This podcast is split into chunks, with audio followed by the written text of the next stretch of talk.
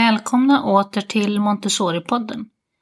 I dagens avsnitt har jag varit på besök på Järna friskola där jag talade med rektor Charlotte och specialpedagog Annika om hur de har utvecklat vad de kallar för tillgängligt lärande i skolan.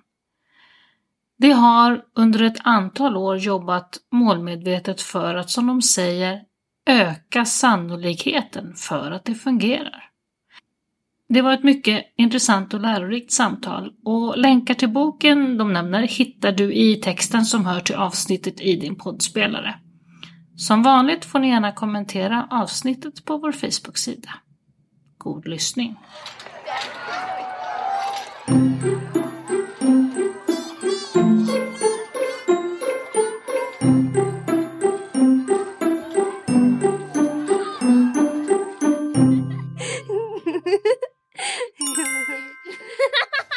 Då sitter vi på Järna friskola och spelar in en podd på plats för första gången på evigheter känns det som. Jag sitter här med Charlotte och Annika.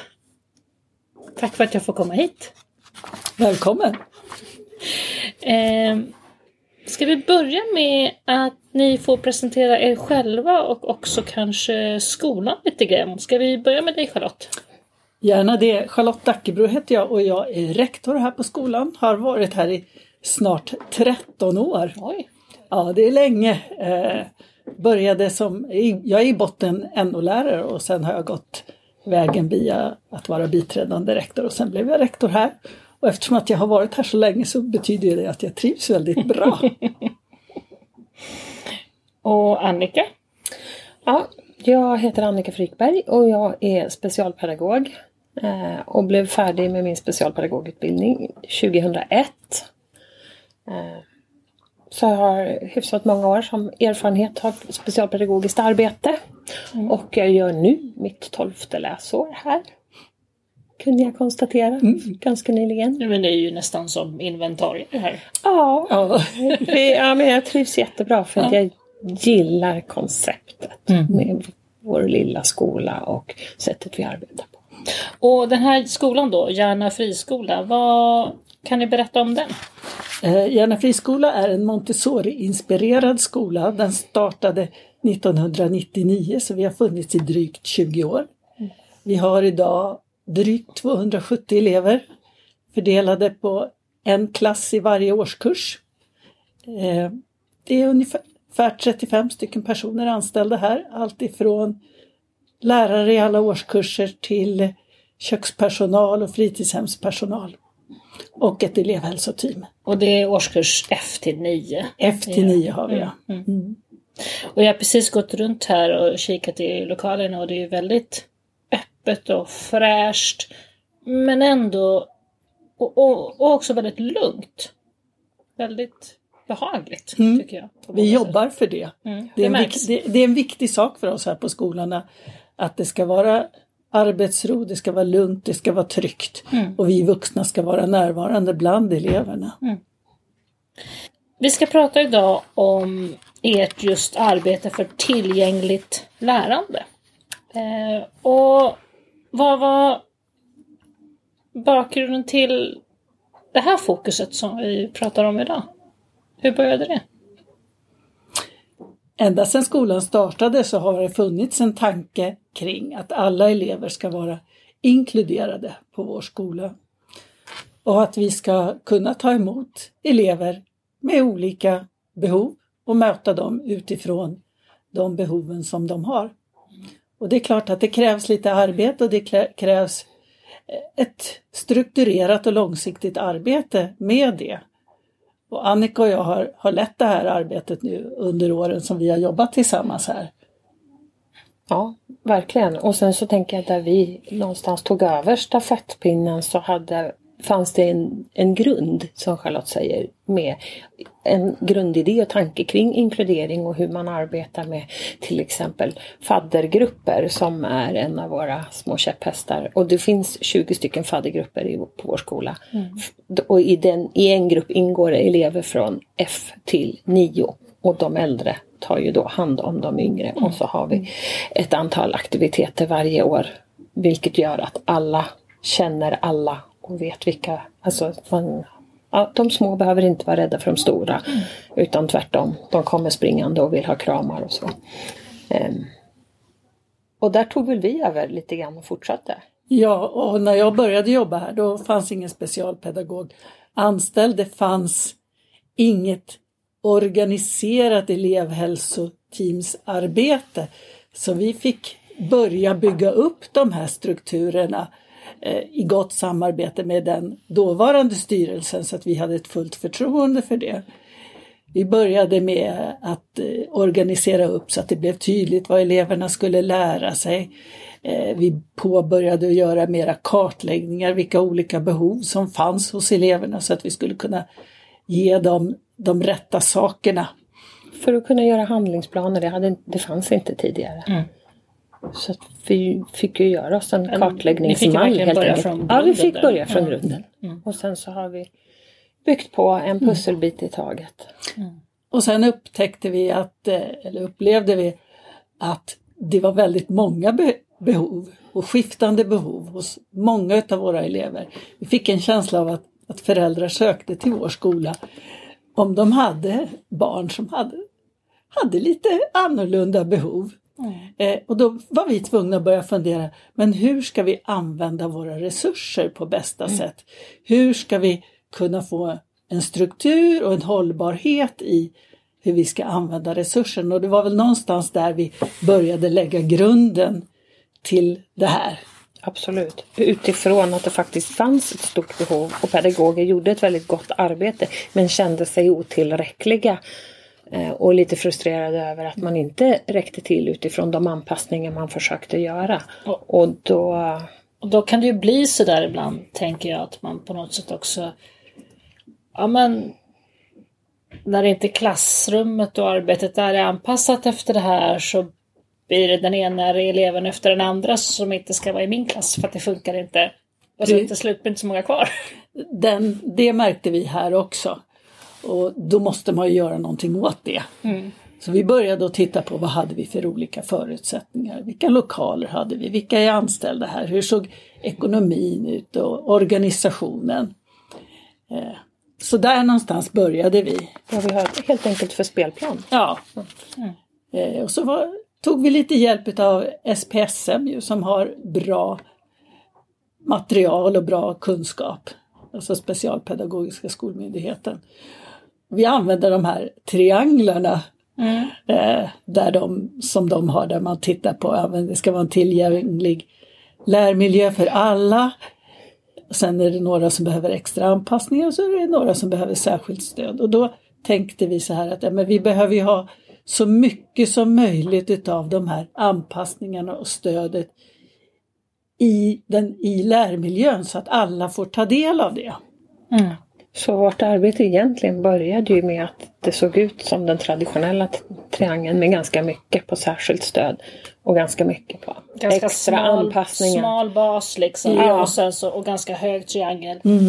Och Och nu så, har ni tryckt Precis. ner den lite grann så att basen är bredare och den här lilla toppen är ganska liten. ja, det är det som har varit hela målet, eller är hela målet. Alltså att, att växla från att ha mycket särskilt stöd och individuella anpassningar till att få ner saker och ting, få syn på lärandet och, och hur vi lär ut. Och också så att, så att man kan stoppa ner flera saker i det reguljära sättet att arbeta på. Vi hade ett utgångsläge där vi visste att det fanns en ambition och en vilja och det fanns behov. Vi hade jobbat med LPP, alltså lokala pedagogiska planeringar.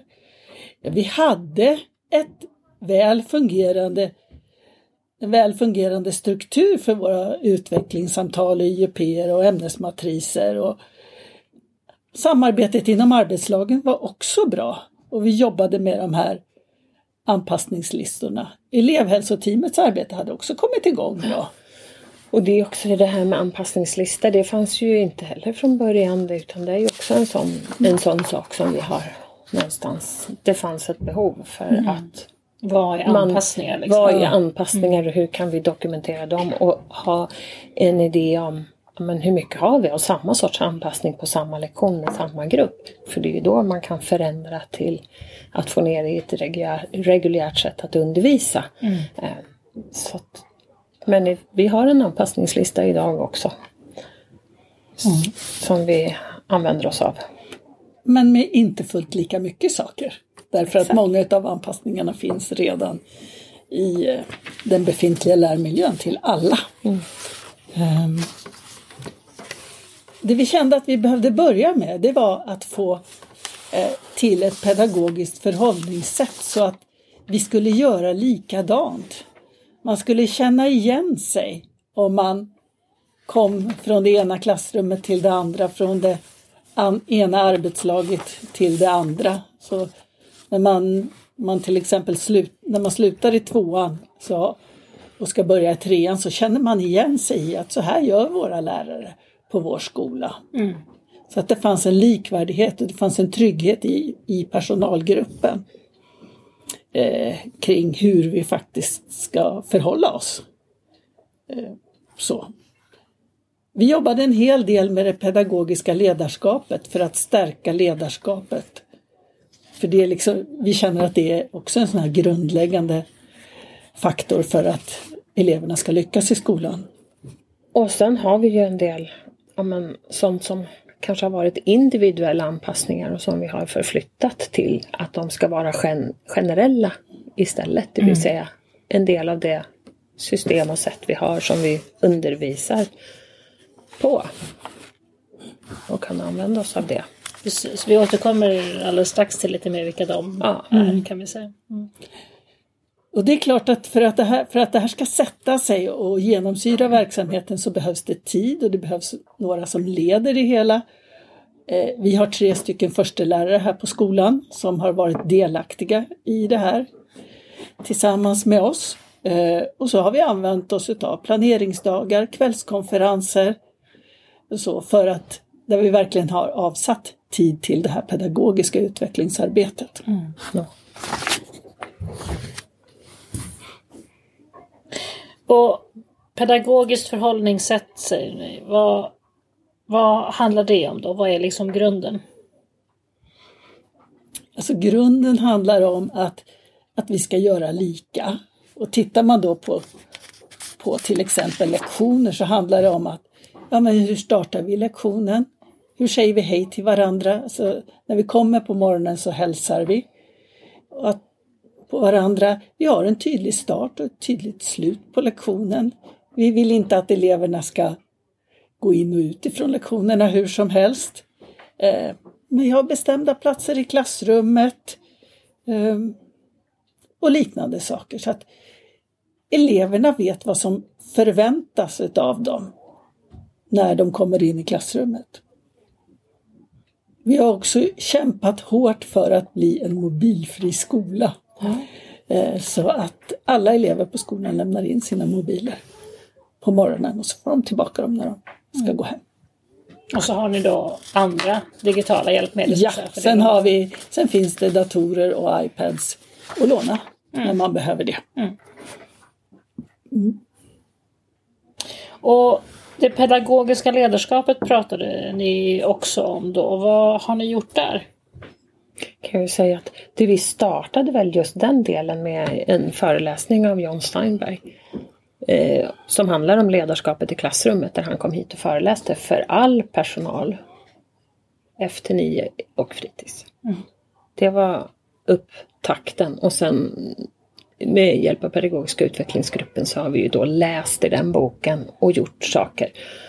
Eh, alltså på, som vi, och diskuterat och kommit fram till hur vi gemensamt vill ha det. Och så försöker vi ju följa det sen därefter. Så under ett och ett halvt års tid så hade vi boken Ledarskap i klassrummet som en studiecirkel i våra arbetslag där vi jobbade med den. Det fick ta tid men det har liksom satt sig och det, det kom någonting bra ut ur det. Innan pandemin också så gjorde vi en del små korta klassrumsbesök hos varandra.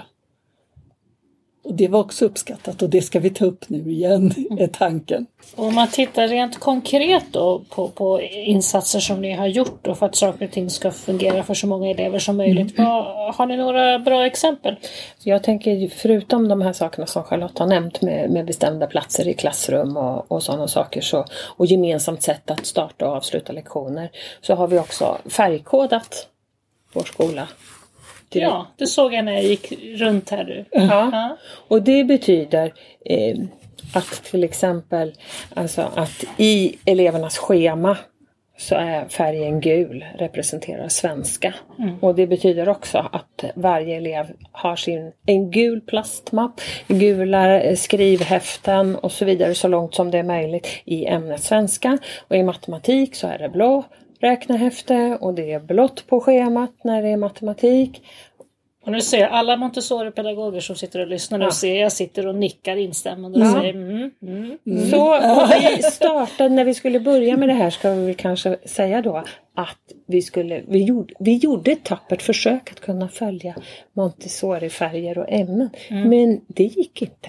För det finns inte tillverkat plastfickor i rätt, i rätt färger för det. Så vi var tvungna att sätta vårt eget system. Plus eh, rent i, i systemet där, vi lägger, där Charlotte lägger schema så fanns inte heller alla de färgerna tillgängliga. Så att vi fick ju lov att bygga vårt eget system Såklart, helt enkelt. men- men det fungerar. Ja, principen är är så. den. Ja. Och sen har vi också bildstöd. När vi har den här morgonsamlingen på morgonen. När vi går igenom dagen så finns det liksom ämnet svenska och så finns det en bild till det. Eh, och det fungerar från F till 9 eh, rakt igenom. Och det är också en sån här igenkänningsfaktor när man byter lärare och, och, och klättrar uppåt från tvåan till trean eller från sexan till sjuan och sådär. Så finns det en del igenkänningsfaktorer. Och sen försöker vi länka över till nästa lektion. Så att undervisar jag en lektion matte så kollar jag alltid vad som är lektionen efter. Så att nu när ni går härifrån så har ni 10 minuters paus och sen ska ni gå dit och dit. Så och du ger dem anvisningar direkt. Liksom. så de får, får med sig att nästa lektion är engelska, röd mapp, röda saker. Och det är den här klassrummet. Okej, anpassningslistan pratade vi lite grann om. Berätta lite grann om eh, den. Vår anpassningslista den är som ett litet smörgåsbord. Eh, till exempel fysiska anpassningar, det är schema och planering. Eh, exekutiva funktioner om man behöver hjälp med sådana saker. Lite strategier. Eh, använder både fysisk miljö, te- tekniska verktyg och sådana saker. Och så finns det en massa olika punkter under det. Och sen så, så att man kan faktiskt ha och välja. Ja, och sen till respektive elever vad den behöver. Så kryssar vi för dem som är aktuella. Men ni har också då ett gäng eh, generella anpassningar just för lågstadiet, för F till 2, eller hur? Ja. Vilka är de? Eh, Alltså de har utifrån den grundläggande anpassningslistan som vi har så har F1-2 eh, gjort en, alltså de har lagt till en del saker, tagit bort sånt som matchar äldre barn bättre. Och, Så att de har ju eh, matchat sin lite bättre mot yng- yngre barn för att de faktiskt kanske har lite andra saker som, som deras barn behöver. Som Precis. kanske årskurs 9 Jag inte behöver. på... Mm, nu ska vi se. Den. Lite grann. Ja, Att det finns i årskurs F till 2 så finns det då ett antal saker som bara är. Ja, ja, det bara är. Eh, Och de sakerna, eller vad jag ska säga, med bestämda platser på, i klassrum, mattor i matsalen, eh, tydligt schema med bild och färgstöd, en schemagenomgång och att förbereda aktivitetsslut och varierad undervisning. Alltså det gäller ju, det fungerar även i de andra årskurserna kan jag säga. Rakt kan vi igenom. säga. Sen vi gjorde det här så har ju det här vuxit med uppåt. Ja. Så att vi gör det i princip i alla årskurser. Ja, och i alla klassrum så finns det möjligheter att använda hörselkåpor, att plocka fram skärmar. Ja, alltså såna här små skärmar har vi Ja, de finns ju enskilt. till och med på IKEA nu för tiden, de här små filtskärmarna. De är väldigt bra och prisvärda. Och jag tänker, menar det här både med hörselkåpor och skärmar, eh, avskärmning och så. Det har ju inte på något sätt att göra med att miljön i övrigt är särskilt stökig. För det är Nej. den inte här har jag noterat och jag ser ju det på många andra Montessoriskolor. Det är ju inte problemet. Men för en del elever så är ju till och med liksom att någon sitter bredvid och så här med pennan Absolut. gör ju att det inte funkar. Eller att någon kommer in i rummet eller vad som helst alltså. Eller att kompisen bredvid har en lite väl skrikig tröja på Ja. sig. Och, och det är ju de eleverna som behöver lite extra bubblor i form av hörselkåpor och, och sådana här Mm. små skärmar som man sätter upp på borden. Liksom. Och det ska inte vara något konstigt och det ska vara tillgängligt för alla. Inte utpekande att du som behöver utan ja, idag, behöver, idag behöver jag, i- imorgon behöver någon annan. Precis. Och, och det kan ju vara att just idag känner jag att idag behöver jag stänga in mig lite grann. Mm. Men imorgon behöver jag inte det. Och så försöker vi att arbeta hela tiden med alla former av anpassningar eller system. Eh, Likaså med de tekniska verktygen. Ju mer tillgängligt det är för alla desto mindre utpekande är det. Och den här färgkodningen ni pratar om att ni gjorde, det är att ni har ja, men plastfickor, schema, skrivböcker, jag kan, allt sånt här. Och jag såg också lite mattor i klassrummen. Och, Ja. ja, Så långt det är möjligt. Och, som sagt, alla Montessori-pedagoger sitter nog och nickar för det. Ja. Saker och ting som hör ihop, Ja. hör ihop färgmässigt också. Mm.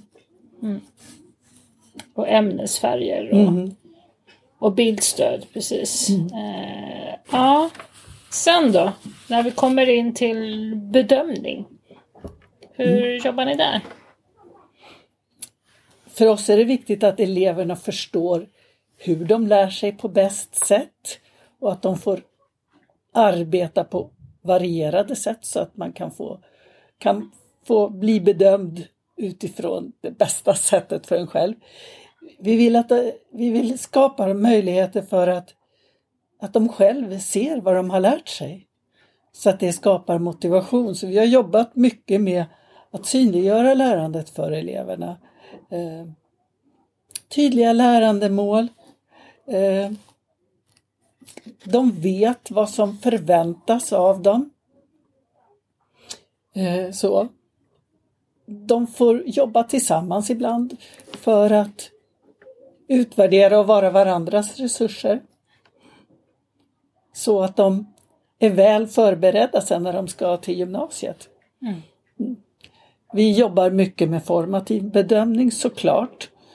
För att skapa liksom den här viljan att lära framåt och att de förstår vad det är de ska lära sig och vad de ska utveckla för att lära sig ännu lite mer. Mm. Och ett sätt med det, det är att de, när de har sina utvecklingssamtal så leder eleverna sina egna utvecklingssamtal. Vad är era erfarenheter av det? Det har tagit ett litet tag för föräldrarna att eh, inse att det här är bra. Mm. För att det är ju det är ju annorlunda mot när de gick i skolan för de allra flesta.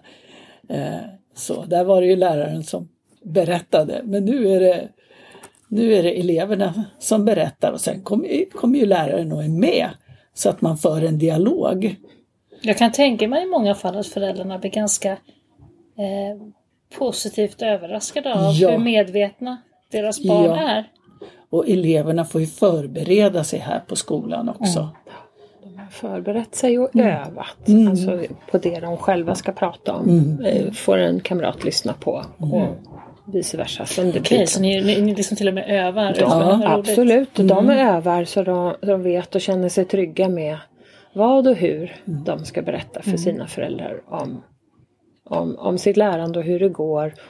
Och vilka nya mål de sätter upp eller har satt upp tillsammans med sina lärare. Och det här är ju kunskaper, tänker jag, som de har nytta utav framöver. Ja, verkligen. Så kunna gå på en anställningsintervju om man är van vid att berätta vad man kan och så vidare. De här eleverna då som inte alltid har det så enkelt. Mm. Eh, hur funkar det för dem att göra Det fungerar ganska bra för dem också, för dem, just för att de har fått öva och de har fått hjälp. Och sen så behöver de hjälp av läraren under tiden, ja men då får de det. Mm, mm. Så att eh, de växer också. Och målen i sig är ju ändå, i, även om det alltså att man följer läroplanen och så, så måste man ändå eh, starta någonstans där eleven befinner sig och gå framåt. Så att den, det, det är relevant i alla, oavsett om man ligger längst fram i kunskapsledet eller lite längre bak så har jag ändå ett nytt mål att sätta Ja, och jag tänker också för de här eleverna som kanske har det svårast också så är det ju kanske enklare rent psykologiskt ta, att, att säga ja, de här, de här sakerna är, har jag lite svårt för. Och så. Mm. Eh, De här behöver jag jobba lite extra mycket med. Att sitta och säga det högt själv än att någon annan ska säga det åt dig. Ja, de äger sitt eget lärande Mm. på ett annat sätt och det blir, in, blir mindre laddat, mindre negativt. Precis. För att hela, för du, du utgår ifrån, ja men jag kan de här sakerna, jag har faktiskt lärt mig det här och nu ska jag lära mig mig mer, nu ska jag lära mig att jobba med de här sakerna. Mm. Eh, Så, sen är det klart, jag menar vi sätter betyg från årskurs 6 Såklart. såklart som alla andra. Men tack vare också att vi jobbar med ämnesmatriserna som finns i, i vår lärplattform Skolsoft och börjar öva eleverna på dem redan i årskurs ja, 3-4. Så när de kommer till betygssättningen så är de ganska så medvetna om hur de ligger till. Och då skapar det mindre liksom hets kring betygen. De vet. De vet och de ska känna sig trygga i att de har blivit rättvist bedömda. Och, Mm. och jag menar, vi ger alltid eleverna flera chanser om, nej men det gick inte så bra på det här, men du får öva lite till eller vi, vi kan visa det på ett annat sätt. Så att det finns alltid möjligheter för eleverna att visa sin kunskap på olika sätt. Hur tänker ni där? För det där tycker jag är, jätteintressant just med visa på olika sätt. Eh, Att en del som då man ska visa någon färdighet i till exempel sång, musik eller något sånt här men tycker att göra det inför många kompisar är läskigt. Erbjuder ni då att man spelar in? Och Jajamän. Alltså den här, hur, Det, hur tänker det gör vi, man kan spela in. Många saker man kan spela in. Ja, vi har elever här till exempel i hemkunskap som inte vill, de, vill, de jobbar inte med klassen på hemkunskapen. Nej. Och de teoretiska sakerna är ju lätt att göra på ett annat ställe. Ja, men så ska de visa praktiska saker. Ja, men då kanske de lagar mat hemma och så filmar de och så visar de hemkunskapsläraren det. Det går alldeles utmärkt. Eh, det är många som tycker att det är jobbigt att presentera saker för en stor grupp. Då får man möjlighet att göra en muntliga presentation tillsammans med sin lärare bara eller tillsammans med ett par tre kompisar som man känner sig trygg med. Mm. Och det, det går att lösa och jag tycker att vi är skyldiga våra barn och ungdomar att de får göra det. Mm. Och jag kan tycka att vi i må, många, på många sätt i skolan har tappat det här, att alla ska formas i en form. Det är inte schysst tycker jag. Jag tycker att vi, då tappar vi barnkonventionen. Nej, jag tänker också på samma sätt ibland så har man en del som kanske finmotoriskt har det lite krångligt som inte riktigt vet hur de ska hålla en penna. Nej. Och då kommer ju det i vägen för att skriva en schysst text. Mm. Men de kanske verkligen kan skriva en trevlig Jajamän. berättelse och, som är fullständigt Absolut. korrekt om de bara slipper hantera pennan och få en tangentbord istället. Så det kan man Ja, ja. göra på ett tangentbord och Ja. man kan också tala till text. Ja. Ha den funktionen. Ja. Och sen tä- tänker jag att det är viktigt när eleverna ska få visa sin kunskap att de får vara med och känna efter och bestämma. Mm. Jag vill göra det här skriftligt så långt som jag kan. Och när det tar stopp så vill jag gärna komplettera muntligt. Och då är det elevens eget val. Mm. Och det känns viktigt. Och sen är det ju klart att man då kanske, om, om finmotoriken krånglar och det är svårt att hålla en penna i handen, då ska man kanske öva på det. Men det är ju en annan sak. Det är Det- olika. Det, det, absolut. det är samma vi brukar säga. Vi har ganska många elever här med dyslexi. Mm. Och det är klart att de ska öva sig på att läsa och skriva men det ska de göra i ett annat sammanhang. Det ska inte hindra dem från att nå höga kunskapsmål Eller kunna visa. eller kunna visa sina kunskapsmål. Mm. Eh, vi har ganska höga betyg på vår skola och jag tror att mycket av det beror på att vi ger eleverna de här möjligheterna. Mm. Så, att deras, så att de får tillgång till sitt lärande och tillgång till sin kunskap. Det är lite av ett mantra Ja, som vi har Mm, här. Alltså. Och Jag hörde också ni pratade om de, de sju frågorna. Vad är det?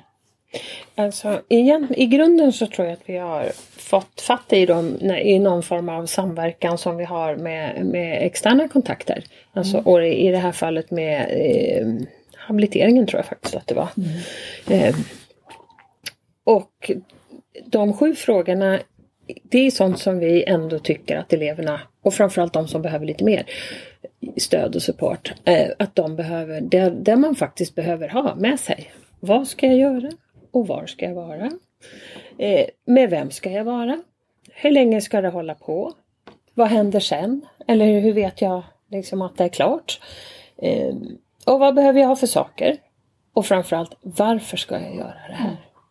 Den är väl den som vi oftast glömmer va? Mm. Och den är jätte, jätte, jätteviktig skulle jag vilja påstå. För allt och alla. Och om inte annat, alltså... Hur, beroende- vi- hur visar ni den? De här andra tycker jag, det är ju ganska...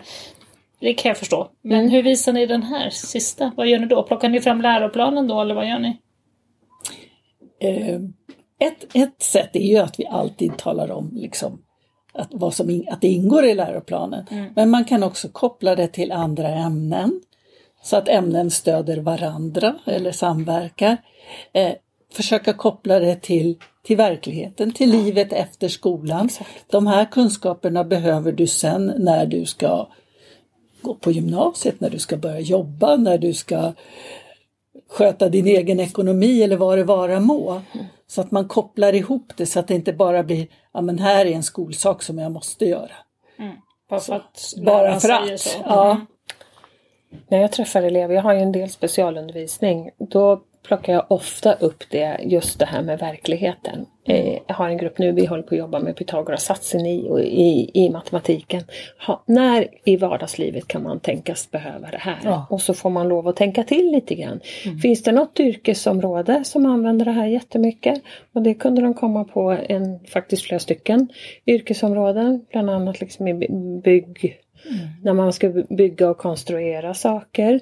Eh, kanske en sån enkel sak som när jag ska inreda min första lägenhet om jag får plats med olika saker. Ett, ett, I ett flytt, flyttlass går, det, går den här sängen in på, på diagonalen i, i det här släpet. Så de kunde, alltså att kunna koppla det till någonting som finns i verkligheten. Och att det kanske finns i de här yrkesområdena, de är inte jag intresserad av. Men jag, man förstår varför det finns i grundskolans kit liksom, av sånt som man behöver ha med sig ut i livet. Ehm, Ja men nu har ni ju jobbat eh, ganska länge med det här. Vad har ni eh, Vad har ni fått för resultat? Vad, vad, har, vad har hänt? Jag tycker att vi har en, en stort, ett stort mått av likvärdighet på skolan och eh, en sammanhållning i personalgruppen kring hur vi ska jobba. Att vi inte blir, varje lärare blir sin lilla ö. Vi ser också att vi har mycket tryggare elever. Elever som vet vad som förväntas av dem och på så vis ja, lär sig mer och når högre kunskapskrav. Ehm. Jag tycker också att det har minskat stressen i personalgruppen och även bland eleverna. Och det är nog så viktigt. Ja, väldigt viktigt. Båda delarna skulle jag vilja påstå. Att det är viktigt att, att stressnivåerna, att lärarna inte stressar upp eleverna och ja, men så, att det faktiskt går att ta ner stressnivåer och kunna jobba lu- lugnt och systematiskt. Vi har fått, fått upp de pedagogiska frågorna på agendan tycker jag. Vi pratar pedagogik med varandra. Eh, På när vi träffas. Det är inte bara organisatoriska saker eller vem som ska ha rastvakt eller si och så, utan vi pratar pedagogiska saker och vi lär utav varandra också. Och när vi inte har samsyn från början kring någonting så är alla beredda på att lägga tid på att resonera och bolla runt och fundera på och fram och tillbaka. Att man faktiskt, så man når en samsyn som man någonstans kan, kan bygga vidare på. För det tänker jag, det är en framgångsfaktor att man har det för då är det ju fler pedagoger som kommer att driva åt samma är, håll. Är det svårt, eller hur, hur när det kommer in ny personal, pedagoger i det här, eh, hur, är det, hur kommer de in i det här? Eh, är det enkelt? Blir de förvånade eller säger de halleluja? Eller vad händer när de kommer in? Det blir en tydlighet för dem. Att få ta, de får ta del av den här dokumentationen. Vi ser till så att den finns tillgänglig för all ny personal och sen går vi också igenom den i starten på varje läsår. Så att det blir, det blir en trygghet. Sen är det såklart att alltid när du är ny på en arbetsplats så tar det ju tid innan du är insatt i allting. Men det finns någonting att falla tillbaka på. Sen kan vi bli bättre på att, att tydliggöra det här för ny personal. Vi pratade om det senast igår faktiskt, att, att vi kanske skulle behöva ha en sån genomgång med de nya, precis som man går igenom en massa andra praktiska saker när man är ny på arbetsplatsen. Eh, Så. De, de nya har ju inte riktigt varit med på hela resan. Nej, de har ju inte det. Eh, och sen, jag menar, nu har vi börjat ett nytt utvecklingsområde där vi ska jobba med gruppprocesser. Så vi har jobbat med det pedagogiska ledarskapet. Nu ska vi titta på liksom hur fungerar en grupp och vilket ledarskap behöver de? Och då börjar vi jobba med oss själva. Så då har vi en ny, ny bok som vi har börjat jobba med, nämligen om arbetslagen. Stärka arbetslaget, Mm. skolans ryggrad. Så. Och då är de nya, då får de komma med på tåget och då får man ju fräscha upp det, det gamla. Tittar man på generellt för våra elever så om vi, åt, om vi går tillbaka till de här trianglarna tänker jag, så att vi har plattat till triangeln så att vi har en mycket bredare bas, så att vi har många fler generella anpassningar. Vilket betyder att det är färre elever som behöver specifika anpassningar. Och de elever som behöver särskilt stöd kan få det i högre omfattning och mera individanpassat. När vi har gått runt och kikat lite grann på skolan så har ni ju en lokal som ni kallar för Studiegården. Ja, Berätta om den, vad är det? eh, Studiegården kom till, vi är inne på vårt tredje läsår med Studiegården. Eh, Den kom till för att vi behövde samla våra resurser för de som behövde särskilt stöd. Den kom också till utifrån att vi hade elever som hade för mycket frånvaro och som behövde komma tillbaka till skolan och inte gå direkt in i klassundervisning. Så Studiegården, där har vi samlat specialpedagogisk resurs och vi har även ämneslärare knutna dit. Och elever, en del elever kommer dit för att de behöver hjälp, specifik hjälp med till exempel svenskan eller med matten. En del elever kommer dit för att de behöver ha ett lugnt ställe att sitta på. Lite återhämtning samtidigt som man får jobba Ja. för att man får återhämtning framförallt för hörsel och synsinnet med så mycket intryck hela liksom tiden. hörselkåporna och och skärmen i klassrummen räcker liksom inte riktigt Det till. räcker inte riktigt till, nej. Utan man behöver få, få vara i en ännu, ännu mer avskalad miljö. Och man Och behöver kanske lite mera individuell påputtning ibland Ja, också. och lite jobba på en lite annan, annan nivå kanske med, och med lite mera lärarstöd. Sen har vi också elever som om de inte hade möjlighet att jobba i studiegården så skulle de nog inte komma till skolan. Och det är elever som har, alltså, går i princip 90 procent av sin skoltid i studiegården. Och har ja, men, kanske svenska, engelska eller slöjd och bild. Så där man går ut i liten grupp eller i halvklass.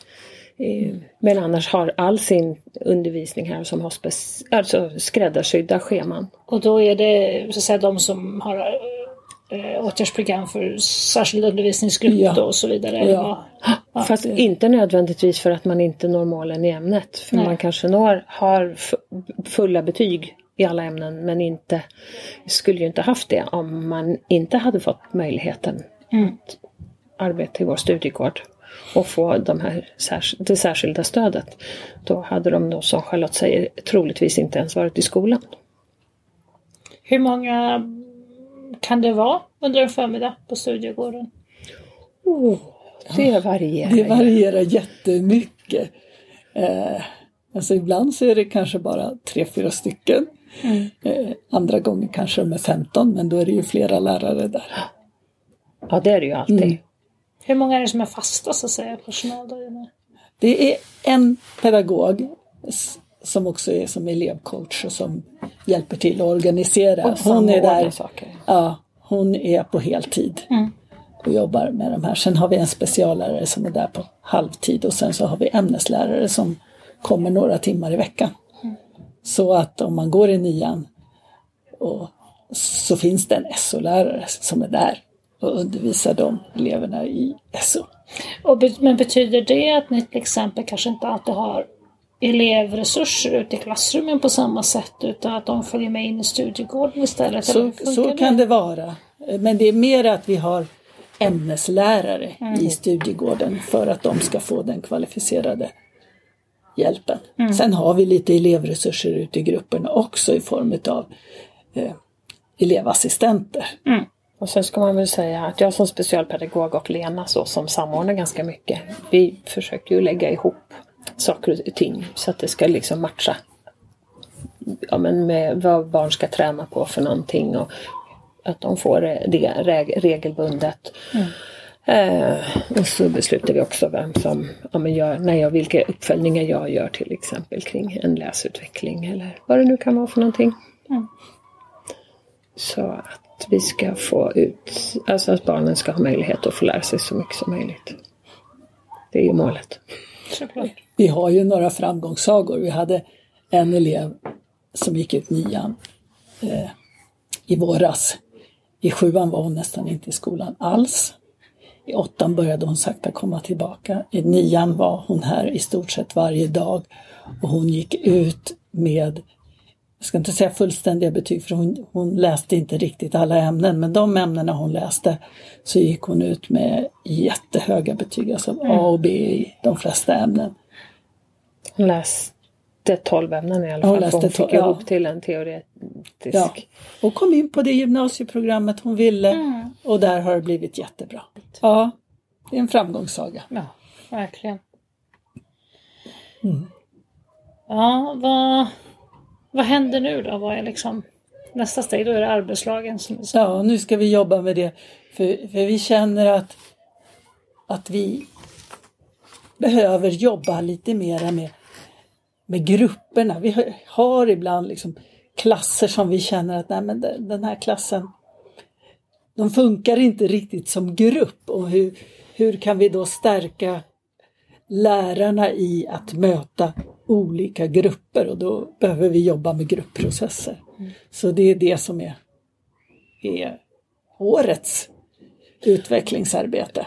Så det långsiktiga målet blir Mm. ju då att kunna jobba med gruppprocesser i klasserna. Men nu startar vi ju med, eller har vi startat med, Mm. att börja jobba med oss själva. Så vi jobbar ju med, nu med gruppprocesser inom våra egna arbetslag. Mm. Vilket innebär att pedagogiska utvecklingsgruppen leder och eh, är med och supportar i de olika lagen när man träffas och har läst och förberett någonting till varje gång man träffas. Och så läser vi den som en bokcirkel och jobbar vidare med den på samma vis som vi gjorde med det pedagogiska ledarskapet. Då. Vad har varit det krångligaste, svåraste under den här resan? Vad var det som var tuffast att liksom få till? Den hårdaste nöten att mycket? Ur ett specialpedagogiskt perspektiv så skulle jag vilja påstå att det var i starten när det faktiskt in, var väldigt få som ens hade någon idé om vad man skulle ha en pedagogisk kartläggning till. Det var väl helt onödigt. Vad ska vi med det till? Vi vill inte ha det, vi vill ha en handlingsplan. Mm, vad bra att ni vill ha en handlingsplan. Men vad ska vi ha i den? Eh, och att faktiskt någonstans mm, börja bygga där. Ni som undervisar eleverna här i klassrummet måste ta det största ansvaret. Sen tycker jag också att det har varit lite besvärligt kring det här med ledarskapet utifrån att eh, alla att kunna se sin egen del i det. Det tycker jag har varit lite tufft men det har, det har fått ta tid. Och det har blivit bra. Någonstans är det ju så att man måste ju våga gå till sig själv och fundera på hmm, det här blev inte jättebra. Vad, kan, alltså, vad har jag för del i det? Kan jag göra någonting annorlunda? Kan jag prova att göra så här? Ja, jag testar det. Och att någonstans våga tillåta det här kaoset och ur kaos kommer ordning. Och att man törs, törs våga, våga eh, gå in i sig själv och fundera på eh, mitt eget ledarskap. Det, det är ju någonting vi faktiskt pratar en del om inom Montessori sådär. Vad, att man faktiskt ställer sig frågan då. Vad är det jag inte har gjort eller har gjort? Vad, vad behöver, inte vad behöver eleverna göra annorlunda Nej. utan vad behöver jag göra annorlunda? Vad behöver vi som skola göra annorlunda? Mm. För att det här ska funka. Och jag tror inte att det är specifikt för inom Montessori-pedagogiken utan rent allmänt så, så är det så. Ja, vi behöver titta på, på vad kan vi tillsammans göra. Och det är väl det vi känner då nu när vi behöver jobba med grupper. Men vad behöver jag som ledare tillföra till den här gruppen för att den ska fungera bättre? Vad var den största liksom, aha-upplevelsen då? Där liksom, som du kände har varit det som fick att ta ett stort kliv framåt? Steinberg myntade begreppet att vi ska öka sannolikheten för att det fungerar, sa han. Och det är något som vi har tagit till oss, som vi ofta säger. Ja, men om vi gör det här så ökar vi sannolikheten för att det ska fungera. Det ty- jag, jag gillar Ja, det begreppet. Det kokar ju liksom någonstans ner Ja. till vad är poängen? Ja. Och vi använder den faktiskt väldigt mycket. Mm. I, alltså i alla möjliga sammanhang. Bara, Öka sannolikheten för att det ska fungera. Ja, den är bra. Mm. Jag tror vi tar och avslutar med den. Ja, visst gör vi det. Ja, tack så jättemycket Charlotte och Annika. Tack själv. tack! Tack för att du har lyssnat. Glöm inte att ge oss ett betyg i din poddspelare. Jag heter Maria Schacki och gör denna podd för Montessori förskolor och skolor i Sverige AB. Du kan läsa mer om oss på www.montessorisverige.se.